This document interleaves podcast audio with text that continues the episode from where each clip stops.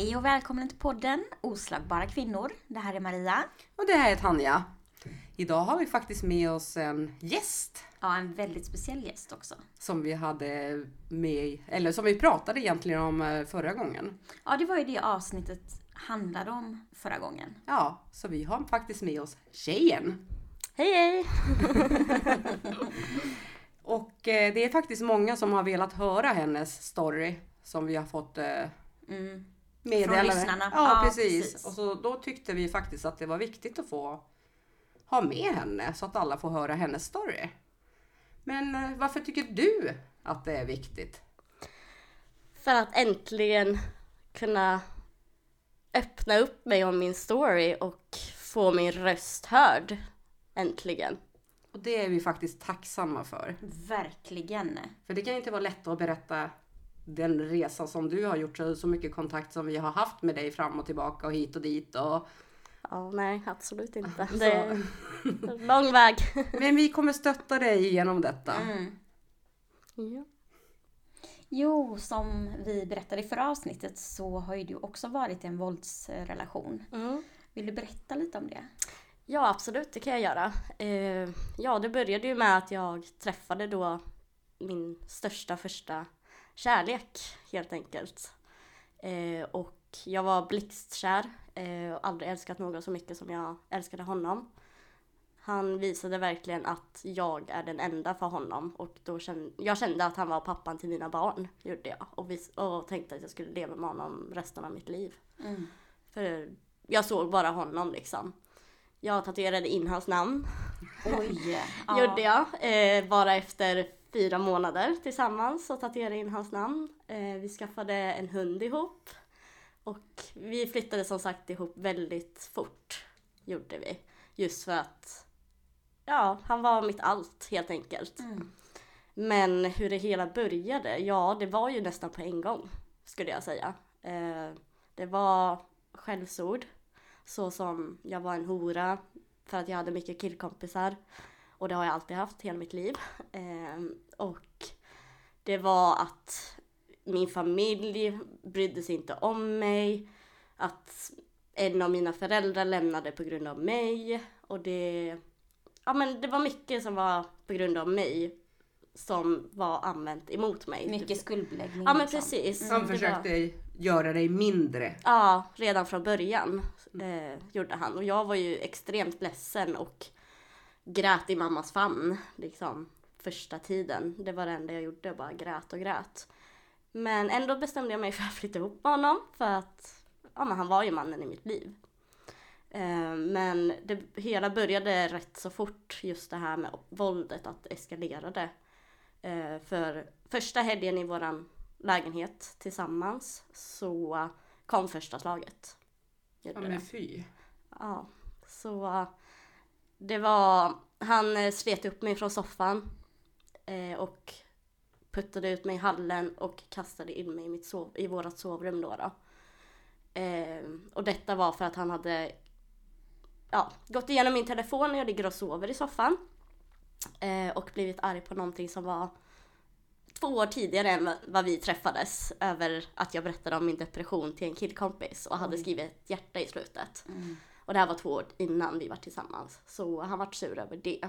Var det mycket att han ältade ditt förflutna och så? Ja, Mm. han ville ju att jag skulle vara orörd och just liksom så. Att jag skulle vara pryd. Mm. Liksom. Han kunde inte acceptera att jag hade ja, men, vänner eller att jag ens hade en familj som brydde sig om mig för att han inte hade det. Liksom. Nej. Så då var det mycket avundsjuka tror jag. Liksom, från hans sida. Men eh, det var ju även då första övergreppet kom också när han kastade in mig där i rummet. Var det. Ehm, och det är väl inte först nu i efterhand som jag kan säga att det var ett övergrepp. Faktiskt. Som du har förstått det i Ja efterhand. men precis. Liksom. Ja. Precis. För man tänker ju inte att man kan bli ja, men, övergripen av sin partner. Nej. Liksom. Det tänker man ju inte. Men ja, jag förlät ju honom. Även fast allting inom mig skrek ju att det var fel. Det Mm. verkligen skrek att det var fel. Men jag älskade honom Mm. så mycket. Och det enda jag såg var han liksom. Eh, Fick du också den här känslan som vi har pratat om att man känner att man nästan inte kan leva utan honom? ja, Ja. verkligen. Alltså det var verkligen han och jag. Han fick Mm. mig att känna mig så trygg. Ja, alltså jag ryser när du Ja. säger det för att det är så igenkänning på det. Ja men det är verkligen, det finns ingen bättre människa Nej. liksom. För att han var min trygga punkt men Mm. han var också min inte trygga punkt. Han var Precis. liksom en livsfara för mig. För Mm. att, ja, jag vet inte. Så fort han inte hade någonting att göra så kunde han bara dra igång någonting. Så att säga. Alltså det kunde vara att min mamma skickade ett sms till mig och då kunde han vända och vrida på det.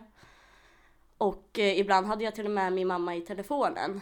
Eh, just för att jag var så rädd för honom när Mm. han fick sina utbrott. För han slog sönder, ja som vi sa, handfat och väggar och mig. Så Och- din mamma fick ju lyssna på det här samtidigt. Ja, fick hon. Så för jag ringde henne för jag var så, ja jävla rädd. Men du, du var ändå uppe med din mamma eh, Mm. angående din våldsrelation kan man säga då? Ja, jag är väldigt nära min mamma så Mm. jag kunde prata med henne. Ja. Eller jag kan prata med henne om allt liksom. Mm. Men hon var den enda som förstod mig. Och Mm. det var ändå skönt liksom att kunna ha den sortens trygghet när mannen jag älskar är min trygghet men ändå inte för att han skadar mig. Precis. Eh, men det var bland annat flera gånger hon fick vara med och höra hur han gick bärsakagång i lägenheten och slog sönder allting och skrek åt mig och skrek åt våran hund. Eh, och jag kommer ihåg en specifik händelse just när det kommer till våran hund, eller min hund kan jag säga. Eh, det är just att han blev så jävla arg över att han själv hade varit otrogen. Men han la det på mig som att det var jag som hade varit otrogen. Eh, och då sa han att han skulle slå in huvudet på våran hund. Eh, och då fick jag ju panik Mm. och försökte verkligen få tag i henne för att jag såg i hans ögon att han kommer slå sönder henne. Liksom, för de där svarta ögonen glömmer jag aldrig. Gud vad hemskt. Eh, så han tog ju den största kökskniven han kunde hitta. Och hade den då emot hennes hals. Och jag bönade och bad honom liksom och inte... Ja, Det gör ingenting. Nej. och inte skada henne. Liksom. För att... Ja, det var ju min trygga punkt liksom. Hon- Ja. Ja, hon var ditt allt då, Ja. hon var din kärlek och hon fanns ju alltid där. Jag vet ju känslan själv som har Hund. hund i det Mm. hela, liksom, hur viktigt det är liksom få den där kärleken som de inte kan förstöra. Precis. Men ändå känna en svartsjuka, sjuklig svartsjuka till. Precis. För det var Så. ju ändå hon som jag sov med. Hon som ändå liksom var mitt täcke och min kudde liksom när inte vi fick sova i sängen. Så var det ju hon som låg med mig på golvet. Liksom, det var ju inte han. Utan det var ju hon. Så Ja. du fick ju ligga på golvet och sova. Är det det du liksom? Ja, det det. Liksom att ibland när han var så arg så ville han inte ha mig i sängen för att jag var så äcklig liksom. För att jag har varit otrogen tyckte han. Ja. När han i själva verket var otrogen själv. Men han ville alltid lägga det över på mig. Så det var ju det som var större delen av våra bråk. Eller hur det startade alltid. Att han försökte hitta, vad ska man säga? Fel. Fel på mig Mm. hela tiden. Att eh, det liksom, till slut så blir man ju ett skal. Liksom. Ja men det är också det här att man vrider och vänder ut och Mm. in på sig själv Mm. för att försöka nöja någon som aldrig någonsin kommer bli nöjd. Precis. Och som bara fortsätter att hitta fel på Ja. en. Och Och straffar en för Ja, det. Liksom. framförallt om man försöker ändra sig- själv och Mm. bli en helt annan person Precis. än man egentligen är för att kunna liksom platsa in och ku- kunna kanske ha Nöja. en lugn, lugn stund och Mm. Mm. slippa bråk. Precis. Jag är ju en människa som, om jag får säga själv, så tycker jag att jag har hjärtat på rätt plats och liksom jag bryr mig om andra mer än vad jag bryr mig om själv. Och det kan ju vi verkligen Ja, intyga ja, också. det kan vi.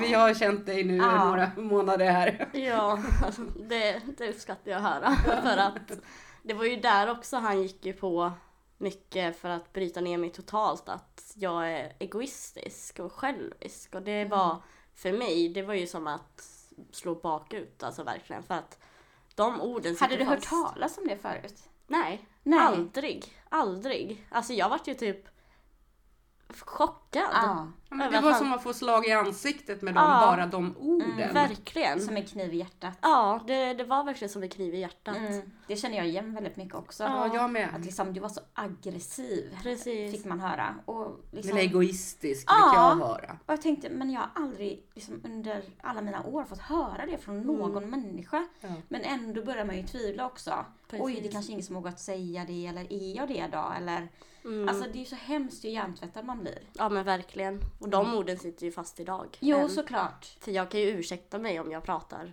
för mycket om mitt liksom. Och då kanske jag bara har sagt en mening om mig. Mm. Men då blir jag så här, oj förlåt, nu ska jag inte prata mer om mig. Nej. Liksom. Mm. Men det var mycket sådana ord hela tiden. Men jag stannade. För att han var fortfarande mitt allt. Det fanns ingenting i världen någon kunde säga för att jag skulle lämna honom. Det var många som försökte, det var, eller många, det var mamma som försökte. Var det någon Eh. annan som visste? Mm. Eller avskärmade du det liksom? Isolerade Jag han dig? avskärmar mig Ah. mycket och han isolerar mig väldigt mycket. Mm. För började någon komma för tätt in på så vart jag då var, alltså jag ville att det skulle se bra ut utåt och det Mm. gjorde det ju vet jag ju nu efterhand för vi reste ju mycket. Mm. Och det jag kan säga att på de resorna det var inte guld och gröna skogar. Det var Ett helvete Ett liksom. helvete. Mm. Man åker på semester för att vila men jag åkte på semester för att få stryk. Ja, Helt och enkelt. man kommer hem helt slut liksom. Ja, jag eh, självskadade ju under, nej, under semestern. Gjorde jag ju för att han liksom, han hade tagit stryptag på mig eh, på min födelsedag. Eh, gjorde han och eh, han, ha- vi var ju med hans familj iväg då. Så han hade ju sin trygghet hos sin familj. Och jag var ju helt ensam. Och han kastade även ut mig från rummet då, då samma kväll. Så jag satt i receptionen eh, hela natten och försökte få tag i internet. Och det enda jag gjorde var att gråta och sprang fram till receptionen och sa jag behöver internet och de frågade behöver du hjälp? Och då sa jag jag behöver bara internet, jag vill bara ringa min familj. För jag och min kille har bråkat och jag är så jävla rädd. Mm. Liksom. Vad sa de på hotellet då? De, När du sa att du var rädd? de tittade på mig och sa att de finns här om det är någonting. Men det var ju gulligt i alla fall. Mm. Ja, och få känna sig sedd. Ja. Det var det enda jag behövde lite Mm. där och då. Att jag lever faktiskt. Mm. Att det gör så jävla ont inom mig för mannen jag älskar och vill gifta mig med, han har gjort allt det här mot mig. Mm. Mm. Och det... Man förstår inte heller riktigt varför vill den man älskar skada en. Precis. Det är så svårt För jag att är, ju, förstå. jag är uppfostrad med att den man älskar, den skadar man aldrig. Nej. Liksom. Det, det är bara sunt förnuft tänker man. Mm. Men det är det egentligen inte.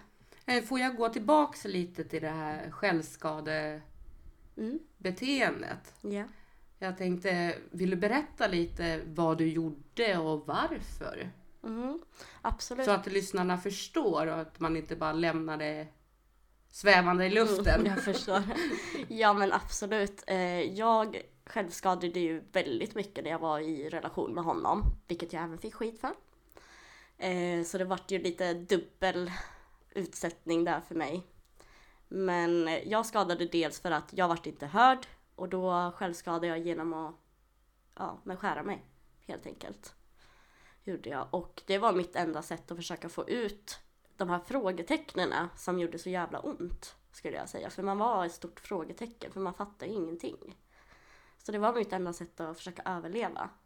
Men var det att du försökte få ut ångesten eller all- alltså, Ångesten inom en. Liksom. att flytta över smärtan någon Ja, annanstans? Det skulle jag säga. Att, det, att man ser att att man känner att man lever samtidigt som smärtan inom en försvinner för att Mm. den sitter på utsidan. Mm, Och det syns. Det som är inuti syns inte. nej, Gör inte. precis. För jag tänker många har ju liksom, om vi pratar om självskadebeteende, antingen är det ju liksom omplåstringen. Mm. Att man gillar den liksom omhändertagande, det var det jag ville få fram här. Att Mm. Var det liksom att du ville flytta över smärtan någon annanstans eller var det omhändertagande liksom av andra personer efteråt? Mm.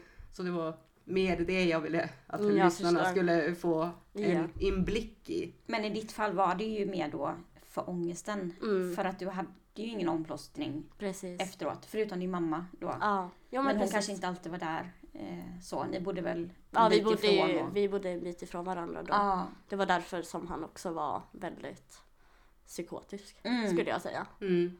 Just för att inte jag hade någon runt omkring mig. Så. Jag vet att du har berättat att han slängde ut möbler genom balkongen vid ett tillfälle. Ja, precis. Och eh, det var ju fruktansvärt pinsamt. Eh, kan jag säga. Ja, jag skrattar ju nu Ja. men... Ja. Men man måste kunna, det gör ju Maria och jag också. Ja, vi ja. skrattar av det. det. Det går ju inte bara Man kan inte bara gråta. sitta och gråta. Nej. Nej men precis, då blir man ju bitter. Det är inte att man tycker att det är roligt men det är Nej. också en Nej. skyddsmekanism. Precis, liksom. man lär sig väldigt mycket i de här förhållandena. Ja. Eh, om sig själv som man inte Och trodde. det blir så absurt och overkligt också ja, ibland. verkligen. Mm. Men ja, som sagt, han kastade ut, han kastade alltid grejer, men han kastade ut då möblerna, utemöblerna mina. Det var det enda jag hade kvar i lägenheten som var helt. Men då kastade han ut det och det var ju tunga möbler så det lät ju ja, som bara den. Och jag Mm. tänkte bara, fy fan vad pinsamt. Mm. Tänkte jag. För grannar och så tänker du eller? Ja, jag tänkte att grannarna hörde, det här var ju på Mm. natten liksom. Oj. Så det var kanske tre på natten. Ja. Och han börjar så liksom. Nu, då tänker man, nu är de igång igen. Mm. Men det var inga grannar, alltså vi bråkade hela tiden. Eller han bråkade alltid med mig hela tiden. Och ja, det var mycket oväsen i våran lägenhet för att han var väldigt våldsam som sagt. Och ingen granne gjorde någonting någon Var det ingen som reagerade någon gång? Nej, aldrig. Nej. Aldrig. Ja, och apropå eh, kvällen, samma kväll då, då så var ju polisen hos oss. För vi hade tidigare varit på en, ja, lite, en liten fest så att säga med mina vänner. Eh, och då hade det ju kommit fram ett par killar som jag känner och har känt i ungefär tio år. Eh, och han gjorde väldigt rasistiska uttalanden då dessa personer inte är ja, men, svenska helt enkelt. Och han var väldigt rasistisk av sig. I'm a man, liksom, sa han alltid.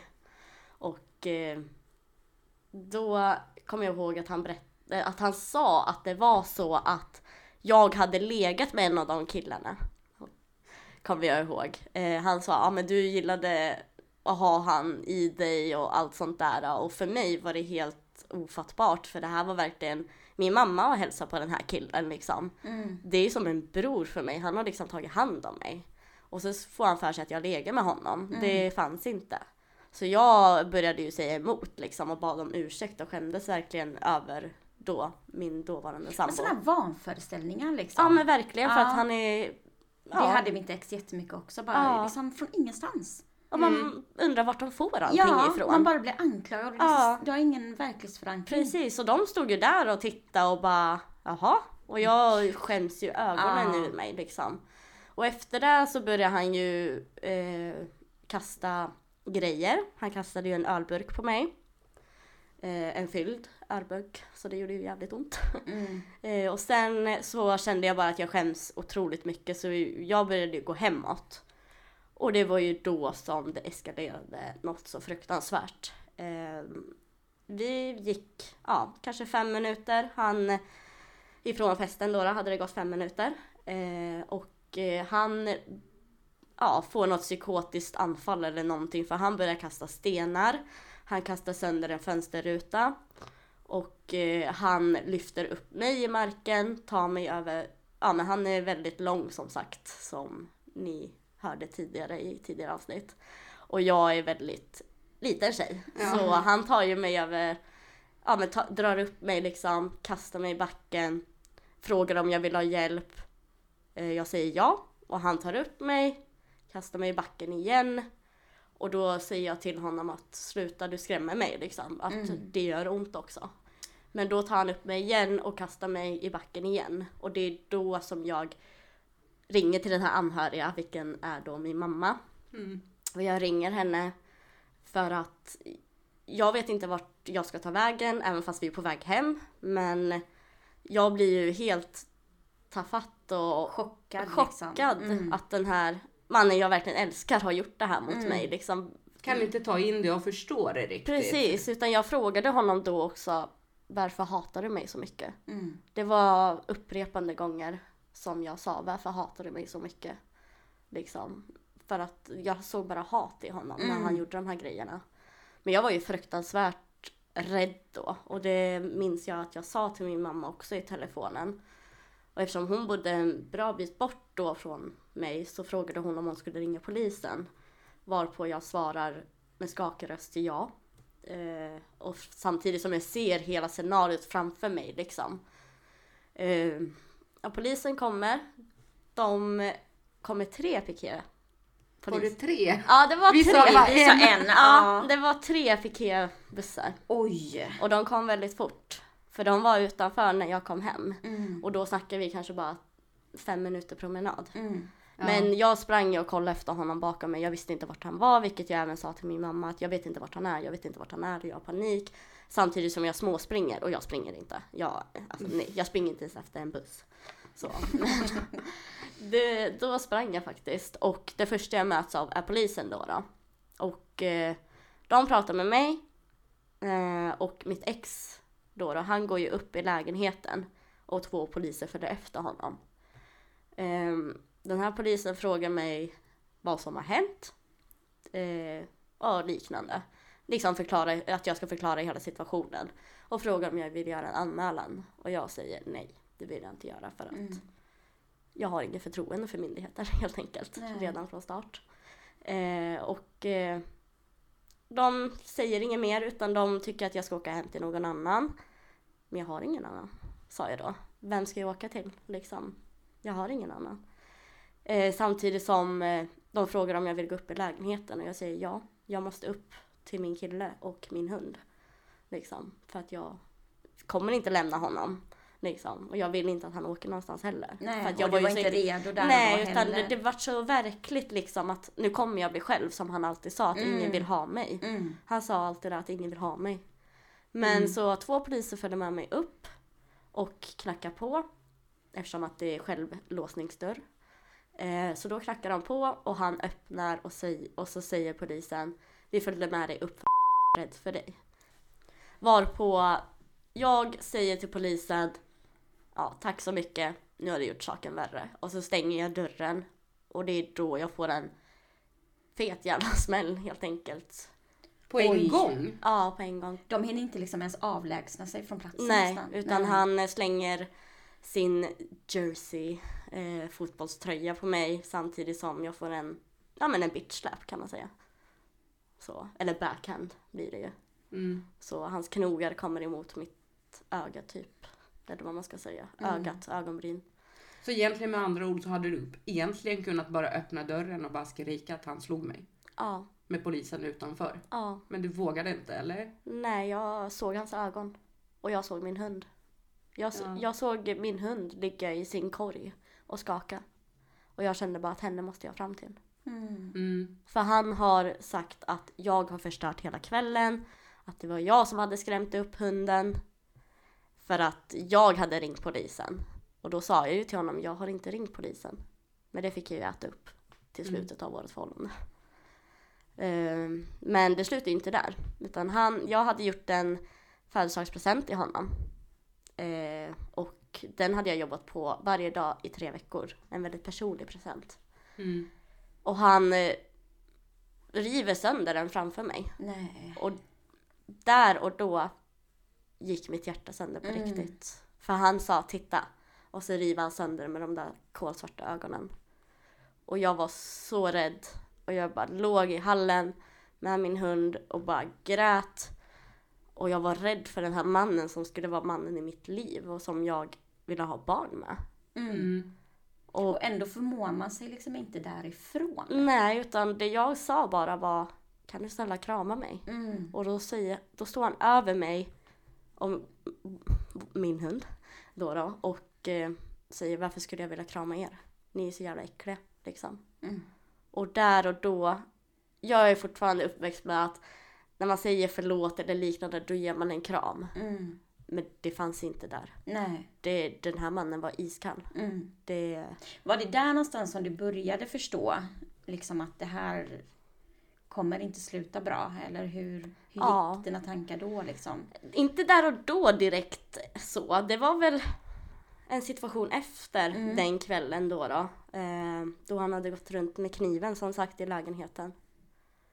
Eh, och eh, det, det, hur jag märkte att någonting var på tok är för att Pep, eh, hunden min sov alltid med mig. Och hon gjorde inte det innan och hon vägrade alltid att lämna min sida när jag låg och sov. Mm. Och på morgonen där så såg jag att det var en kniv då, då en stor kökskniv i dörren. Ja, herregud. Som, och jag var ju helt chockad liksom. Jag drog ut kniven och bara, vad gör jag nu? Mm. Och han ligger där inne i sovrummet i sängen och sover så skönt. Och bara tanken att han har gått runt i lägenheten och man vet inte ens hur länge han har Nej, gått. och medan du sov. Ja. Ja, vad som helst hade ju kunnat hända. Du hade ju kunnat vara en i statistiken. Mm. Precis. Nej, för jag minns då eh, på kvällen då, då innan jag vaknade upp med kniven. Så minns jag att jag gjorde allt för att inte somna. För att jag hörde på hans, man lär ju sig hur de funkar. Ja, verkligen. signaler och gående Minsta och lilla. minsta lilla, liksom, minsta lilla andning så märker Mm. man liksom att någonting är fel. Verkligen. Men jag märkte ju snabbt att någonting är fel. Mm. Jag hade en känsla inom mig och min hund vågade inte lämna mig heller på kvällen där innan vi hittade kniven i dörren. Mm. För att jag gjorde allt för att jag låg vaken jättelänge. Sen hade jag lyckats somna. Och det var då som jag bara vaknade upp i panik och bara shit jag lever liksom. Mm. För att jag kände, det var så mörk känsla inom mig. Och han hade ett mörkt moln som jag aldrig sett tidigare liksom. Som, det går typ inte ens att förklara hur rädd jag var. Nej. Men det enda jag kommer ihåg är att jag låg där med min hund i soffan och han låg i sängen och skrek i sömnen. Och det är någonting jag aldrig har hört innan. Mm. Men han skrek att han skulle, han skrek 'fuck you', han skrek, alltså allt, alla skällsord ni kan tänka er. Mm. Och då tänkte jag bara att imorgon, ja, kommer inte jag finnas. Tyvärr. Nej. Det var, Men gud vad hemskt att bara känna den känslan liksom. Och att jag får inte somna för jag kanske dör. Ja, Mm. vilken fruktansvärd Verkligen. panik liksom. mm, Och inte ha några anhöriga eller någonting i närheten. Ja. nej. Och jag ville ju inte ringa min mamma heller för att jag hade ju fått äta, jag hade ju redan fått höra så mycket skit Mm. av honom. Att, ja ska du ringa din mamma nu igen? Ja, Mm. du fattar väl att hon vill bara hjärntvätta dig. Liksom. Du vet väl att jag är den enda mannen som någonsin kommer älska dig.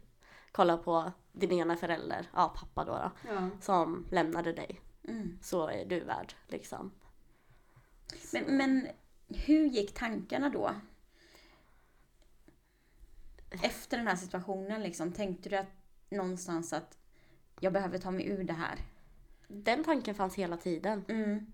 Men jag älskade ju honom. Mm. Den kärleken som jag kände för honom. Den har inte jag känt någonsin. Nej. Men jag tänkte alltid att jag måste ta mig ur. För det skrek inom mig att det var så fel. Mm. Liksom att jag vet bättre. Liksom. Jag förtjänar bättre. Men någonting inom mig ville inte lämna honom. Var du rädd att lämna på grund av att du tänkte att du inte kommer komma ur det med livet i behåll? Ja, det tänkte jag många gånger. Mm. Och idag lever jag ju med skyddat. Skyddidentitet ja. Ja, Mm. just för hans Vi är i samma klubb. Ja! Välkommen! Nej, så jag var ju extremt, jag är extremt rädd för honom. Mm. Fortfarande. Ja, Mm. för att han är, sa, får inte jag dig får ingen annan dig. Nej. Och det, varför skulle han ljuga tänker jag? Han ljög ju inte om någonting annat heller. Alltså, Nej. under, alltså när hon hotade dig. Precis. Förutom att han försökte hjärntvätta dig. Ja. Det är Mm. liksom, Precis, men han Men- skadade ju ändå mig. ja. Och sen är man ju också medveten om det här våldskapitalet som de här männen besitter. Mm, Och man har ju bevittnat det med egna ögon och blivit utsatt för det. precis. Man vet ju att det är inte bara ord. Det är Nej, inte bara skitsnack, utan de är kapabla till det. Precis. Ja. De är kapabla till vad som helst Mm, egentligen. Mm. Och det är det som är så svårt att förstå själv, Mm. liksom, Mm. när man lever i det. Mm. Så att säga. Hur, hur tog du dig ut? Hur började du liksom Oj. Eh, processen eller vad man ska säga? det började ju med att han eh, jobbade eh, utomlands väldigt mycket. Väldigt många olika jobb hade han för han inte kunde behålla något. Det där känner jag igen. Så man undrar ju vem som är the real man. Liksom. Jag som försörjde allting eller han som fick in några 40 000 på, i månaden. Så att säga. Nej för som sagt. Eh, ja, hur processen började att lämna honom. Det var väl. Han började jobba hem, eh, utomlands och jag kände jag fick ett vad säger man, en glädje Mm. som inte jag haft innan, att jag fick tid för mig själv. En En livsglädje. frihet. Ja, På precis. ett annat sätt. Ja. Att Helt plötsligt kunde du andas själv. Precis, och det, jag behövde inte han. Även fast han ja, men kom där, alltså vi hade ju, vi pratade ju fortfarande såklart. Varje gång han åkte iväg så pratade vi ju varje dag. Han ringde på sin lunch eller sin rast eller liknande och det, Mm. Våldet slutade ju inte där bara Nej. för det. Liksom, utan då var det mer psykisk misshandel. Mm. Men eh, jag började ju med att känna den här friheten och tänkte för mig själv. Jag, det var mycket tankar som gick inom mig. Och sen var det väl när jag var ute med mina vänner och han var ute med sina vänner. Så började han anklaga mig för att ha varit otrogen. När min vän står och filmar mig på ett dansgolv. Och då står det en kille bakom mig och dansar med sin tjej. Och då tror han att den killen dansar med mig. Och då kommer jag ihåg att jag fick nog och sa att det är slut nu liksom. Mm. Men vi hamnar tillbaka där igen. Ja. Ja men det tar ju många gånger Ja. innan man på riktigt vågar lämna. Ja. Eller klarar att lämna. Precis, det var väl det att bara höra orden Mm. komma ut ur min mun. Att jag faktiskt känner den känslan. För mina känslor var ju inte okej att känna alls. Det hade ju gått så pass långt att jag visste ju inte när jag var glad eller ledsen eller någonting. Nej. Utan jag kände bara att det här var så fel. Mm. Och det var då jag sa för första gången att nu gör jag slut med dig. Hur, hur reagerar han?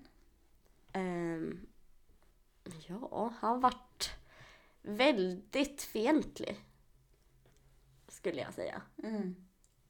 Eh, vart han. Och eh, det... Jag kände inte igen honom. Han liksom tog bort mig överallt. Han ville inte ha någonting med mig att göra. Och då fick ju jag panik. Mm. För vadå, du älskar ju mig. Varför tar du bort mig överallt? Varför tar du bort bilder på oss? Det vart liksom...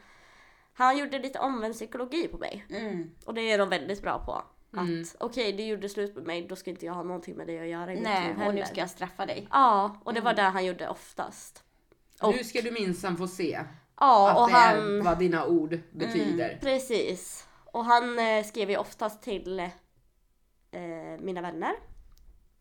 Ville väldigt gärna ha sexuellt med mina vänner.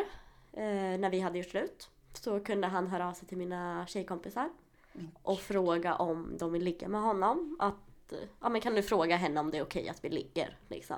Vilken kränkning alltså. Ja, och mina tjejer de hörde ju av sig till mig såklart. Liksom, Mm. Vad är det här? Och jag försöker att sopa över det och få honom att se bra ut fortfarande. Mm. Mm. Du skyddade honom. Ja. Så att säga. Men det fortsatte väl så, så fort det vart så fort han började anklaga mig för någonting så kände jag, det vart som ett skällsord att vi sa nu gör vi slut. Mm. Så att säga. Mm.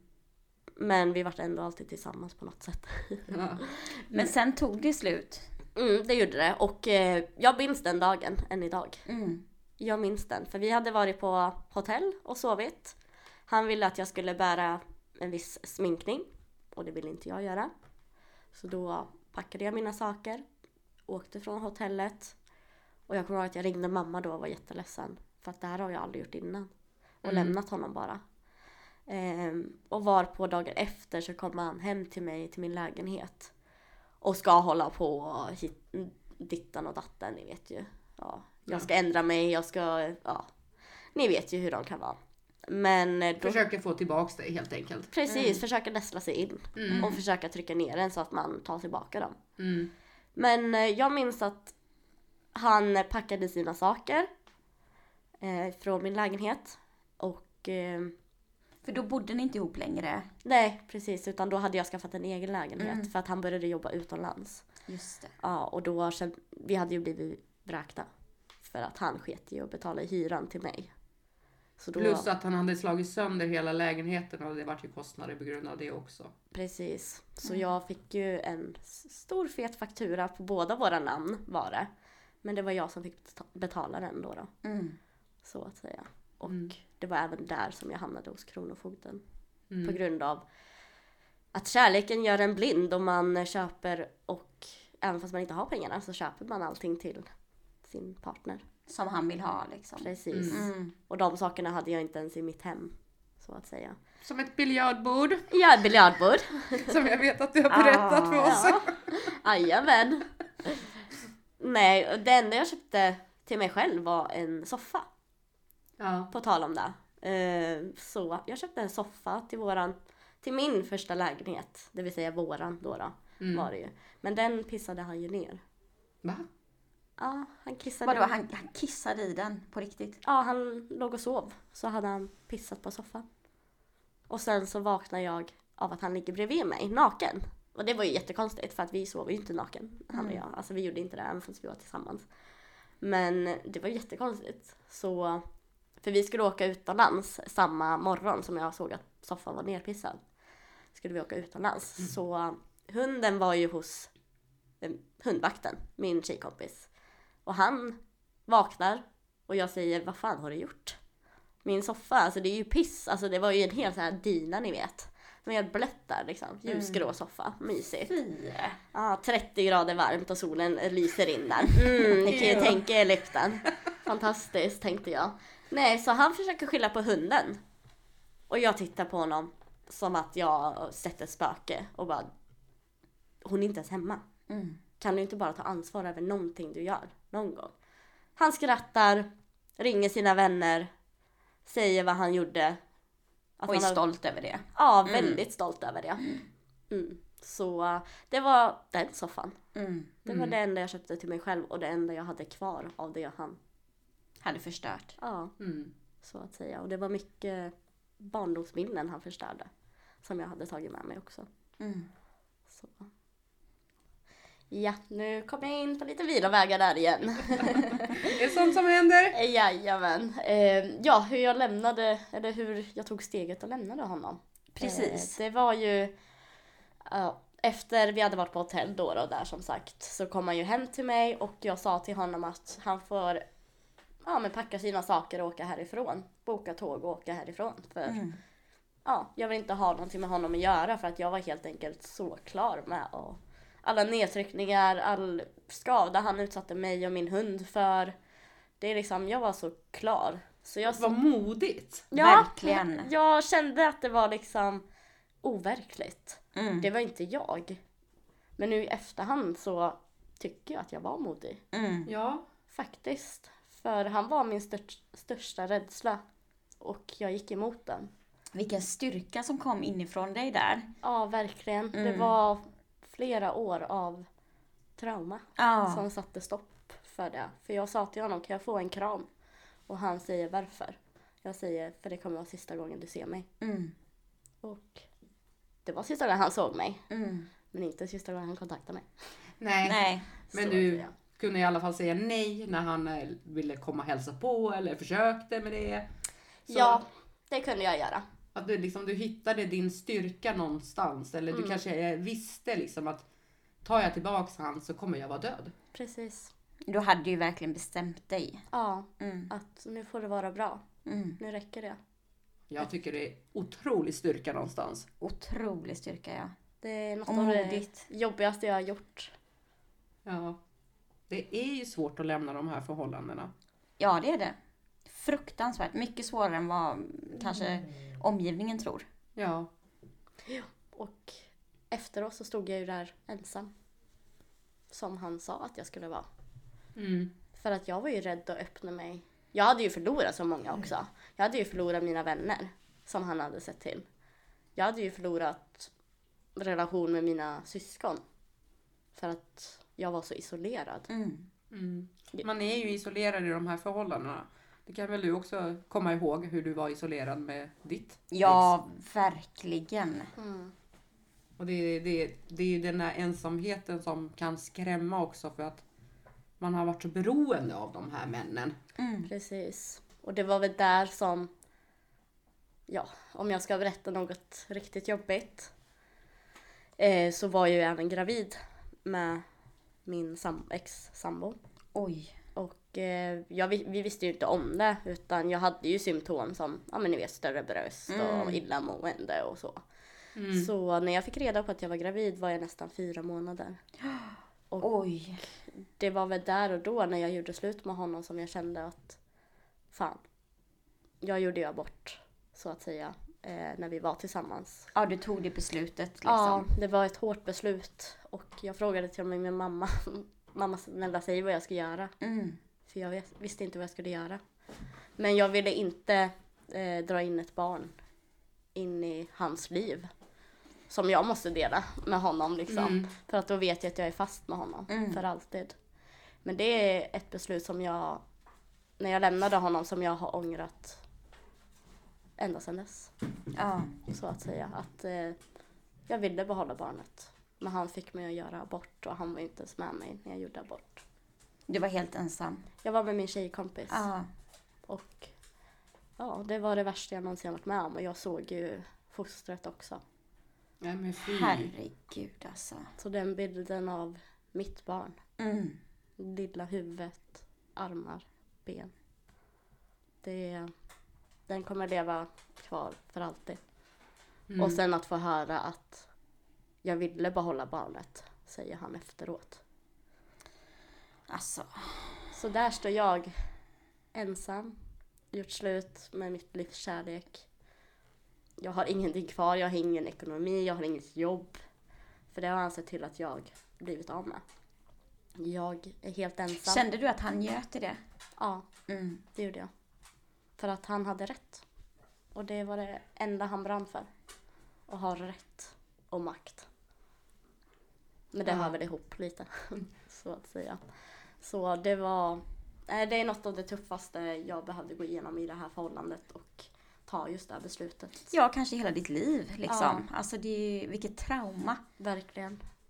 Jag menar en abort är ju ett trauma i sig. Mm. Men och även göra det med alla dina omständigheter och Precis. våldsrelationen så. Alltså det, det är ju, Det, nej, det tär på mig än idag. mm, det förstår jag. Så, och det har jag inte sagt till någon förrän nu, så Ja. att säga. Vad modigt av dig. Verkligen. Tack. Så. Jag beklagar verkligen att alltså, du har behövt gå igenom allt det här. Mm. Alltså du har en eh, väldigt eh, stark historia. Ja, och att du ändå sitter här och Ja men liksom, du är ändå en så positiv person. Mm. Och väldigt mogen också. Mm. Eh, trots att du är ung. Mm. Men liksom att du har klarat att gå igenom detta och ändå stå på benen. Det är ju alltså helt ofattbart faktiskt. Ja. Jo. Det har krävts mycket Ja. för att ta sig dit. Bland Och annat. ändå inte har fått hjälpen som du har behövt. Absolut inte. Det har Alltså jag du inte. har, det är liksom... Va, vad sökte du för hjälp? Eh, jag kan ju börja med att säga att jag sökte ju hjälp under förhållandet. Okej, så redan då sökte Ja, du hjälp? Ja. Då sökte jag, vände jag mig till socialtjänsten. För att vi hade blivit vräkta. Och jag förklarade min situation. Eh, varpå de säger att ja men det är ju sambolagen som eh, kommer in här så han måste ju betala hyran också. Och då berättade jag ju såklart vad jag har gått igenom, vart han befinner sig för han jobbade ju utomlands. Så då berättade jag att han kommer fullständigt skita i att göra det. Eh, och eh, varpå de säger ja du får lösa det, vi kan inte hjälpa dig. Nej. Helt enkelt. Och då berättade du även att han hade slått sönder Ja, lägenheten? för jag hade med mig alla eh, utdrag, alltså fakturer och allting. Liksom. Mm. För vi, de bokade in ett möte och då tog jag ju med mig min, ja en släkting, jag kommer inte ihåg vem det var, men jag tog med mig en släkting. Eh, för jag var rädd att inte bli hörd. Vilket resulterade i att jag inte blev hörd. Ja men det är verkligen ett rent helvete du har fått gå igenom. Och sen började ju ett nytt helvete kan man säga. När du Oh, ja. lämnar relationen. Oh ja, det kan man säga. Verkligen. Men hur, hur mår du liksom? Oj. Eller hur du har mått under, Ja. liksom, efter att du lämnade. Oj, det är första gången jag får den frågan faktiskt, hur jag mår. Va? Ja, eh, faktiskt. För det, jag har inte blivit hörd som sagt. Och det är väl den största biten som jag präglas av idag. Att jag mår ju inte bra. Nej. Min psykiska hälsa är inte på topp. Och eh, ja, det här efter våldet eller vad man ska säga har väl inte gjort det mycket bättre heller. Så att säga. Utan det är, ja, rätt käpp åt helvete Mm. helt enkelt. Vill du berätta lite eller känns det för jobbigt att prata om det? Nej, jag kan absolut prata om det. Ehm, det gör jag mer än gärna för att få min röst hörd, helt enkelt. Och hjälpa andra, Mm. att man klarar sig, även fast det är ett helvete. Men eh, ja, det, allt det jag har gått igenom fick ju en medföljd av psykisk ohälsa. Mm. Eh, jag började med antidepressiva och eh, ångestdämpande. Eh, och vi har höjt dosen upp och ner, fram och tillbaka just för att psykiska, ohäl- alltså psykiska hälsan inte är stabil alltid. Eh, det började ju allting med ett självmordsförsök då, då. Att jag var så äcklad av mig själv. Jag var så besviken på myndigheter. Att jag var så besviken på mig själv. Jag satt med de här flashbacksen, de här traumat för mig själv och hade ingenstans att ta vägen. Hörde hans ord med andra ord i huvudet och konstant. Ja, hela tiden. Och än idag. För en sak kan man ju säga att många som liksom hamnar i depression eller psykisk ohälsa, Mm. Alltså ibland är det svårt att förmå sig att söka hjälp för att man inte orkar. Mm. Men det kan man ju verkligen inte säga om dig. Nej. För du har ju verkligen bönat och bett om hjälp. Ja, jag... eh, Men inte fått den hjälpen Nej, som du har behövt. precis. Som ni sa då där förra avsnitt, eh, som jag även har pratat med er om, att jag skrev en egen remiss till psykiatrin för att jag ville ta tag i det här. Och det tyckte jag var starkt nog av mig för att jag är inte sån som sträcker ut en hand och bara hej, här är jag liksom. För att jag vill gärna klara det själv. Mm. Men jag kände att det här går inte själv. Det här behöver professionell hjälp. För jag vet varken ut eller in. Jag vet inte ens vad fan jag ska göra imorgon eller äta idag liksom. Och ehm, så jag skrev en egen remiss till psykiatrin och ja, som ni många vet och hörde så fick jag träffa en undersköterska som psykolog. Då kunde jag lika gärna varit i mitt huvud själv tänkte jag. För jag. Mm. liksom, så att säga. Eh, och det var sex till sju olika läkare och det, ja, ni, ni vet ju storyn så att Mm. säga. Så där började det ju inte jättebra. Var det här efter ditt självmordsförsök? Eh, det var i samma veva för att jag vart ju tag, för vi skulle ha telefonmöte jag och läkare men hon skrev en akut tid till mig till jouren. Eh, och eh, då kommer det först en liten gullig tant in och pratar med mig. Eh, varpå hon börjar att kritisera mitt självmordsförsök och säger, för de vill ju skriva in mig på psykiatrin och jag säger nej, utan jag har min hund att ta hand om. Varpå hon säger, men hur tänkte du med hunden när du försökte ta ditt liv? Och jag?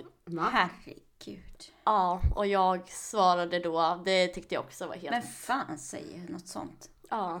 Och jag sa ju till henne, jag hör ju att du aldrig har mått dåligt i alla fall och du kan gå härifrån. Mm. Och jag blir ju sån, jag blir ju väldigt affekt. Mm. Och det är ju inte konstigt med tanke på att jag redan har fått äta så mycket från mitt förhållande. Mm. Liksom. Mm. Det, det är inte jag kvar men nu söker jag hjälp på egen hand och ni behandlar mig så här. Mm. Så förtroendet där vart ju inte bättre. Så det, det var ett litet rum kommer jag ihåg också. Och alla, det var tre läkare i samma rum och bara tittade på mig. Och jag skulle prata med en läkare. Men det här var helt plötsligt tre olika. Och alla står där och pratar med mig och jag säger nu är ni alldeles för många, kan ni gå ut härifrån? Någon av er i alla fall. Så det var en härva Mm. från start. Ja, och samtidigt som jag satt där eh, hos psykiatrin så zonade jag ut helt från vad de sa och det enda jag tänkte på var att inte ens dö fick jag göra. Vad fan får jag göra då? Ja, alltså det, jag får rysningar. Jag vet inte vad jag ska säga. Nej, Alltså, alltså vet det- det finns inga ord Det är ens så att kunna svara. hjärtskärande. Mm. Alltså, vi är så himla tacksamma att vi fick höra din berättelse. Ja, Mm. Vi kanske ska mer nämna att del två kommer också. Precis. Vi kommer ju ha en del två med dig där Ja. vi får höra din nästa resa. Precis. Och eh, Ja, jag tycker det är jättemodigt och det faktiskt har varit en ära att få prata med dig och få höra din historia och Mm. allting. Att, eh, Ja, du är jättemodig. det var ju många som reagerade på att förra avsnittet var väldigt hjärtskärande. Mm. Många blev väldigt tagna. Precis. Och jag tänker att nu när vi har suttit här och lyssnat på din historia, alltså det är ju ingenting mot vad detta är. När man får höra det du själv berätta. Mm. Det är otroligt gripande historia. Och att du står på benen, alltså det är, Mm. det är vi väldigt glada för. Ja, jo. Jag är väldigt tacksam att jag fick vara med. Ja, Och att det kommer en del två så att jag, jag kanske får hjälpa någon annan. Men framförallt för att du ska få bli hörd. Precis. Tycker jag är det viktigaste. Mm. Äntligen. Ja. Det är det enda jag någonsin har begärt. Att någon ska höra. ja. Men det, du är så modig. Mm. Otroligt modig och du ska vara så stolt över dig själv. Mm. Mm. Tack så mycket. Det värmer. Och jag tycker inte att ni ska tveka och ringa till Kvinnofridslinjen om ni behöver. På 020 50 50 50. Eller vid akuta fall 112. Så tackar vi så mycket för idag. Ja, det gör vi. Och vi ses igen på måndag. Ja, det gör vi. Ha det gott! Hej då! Hej hej! Hej!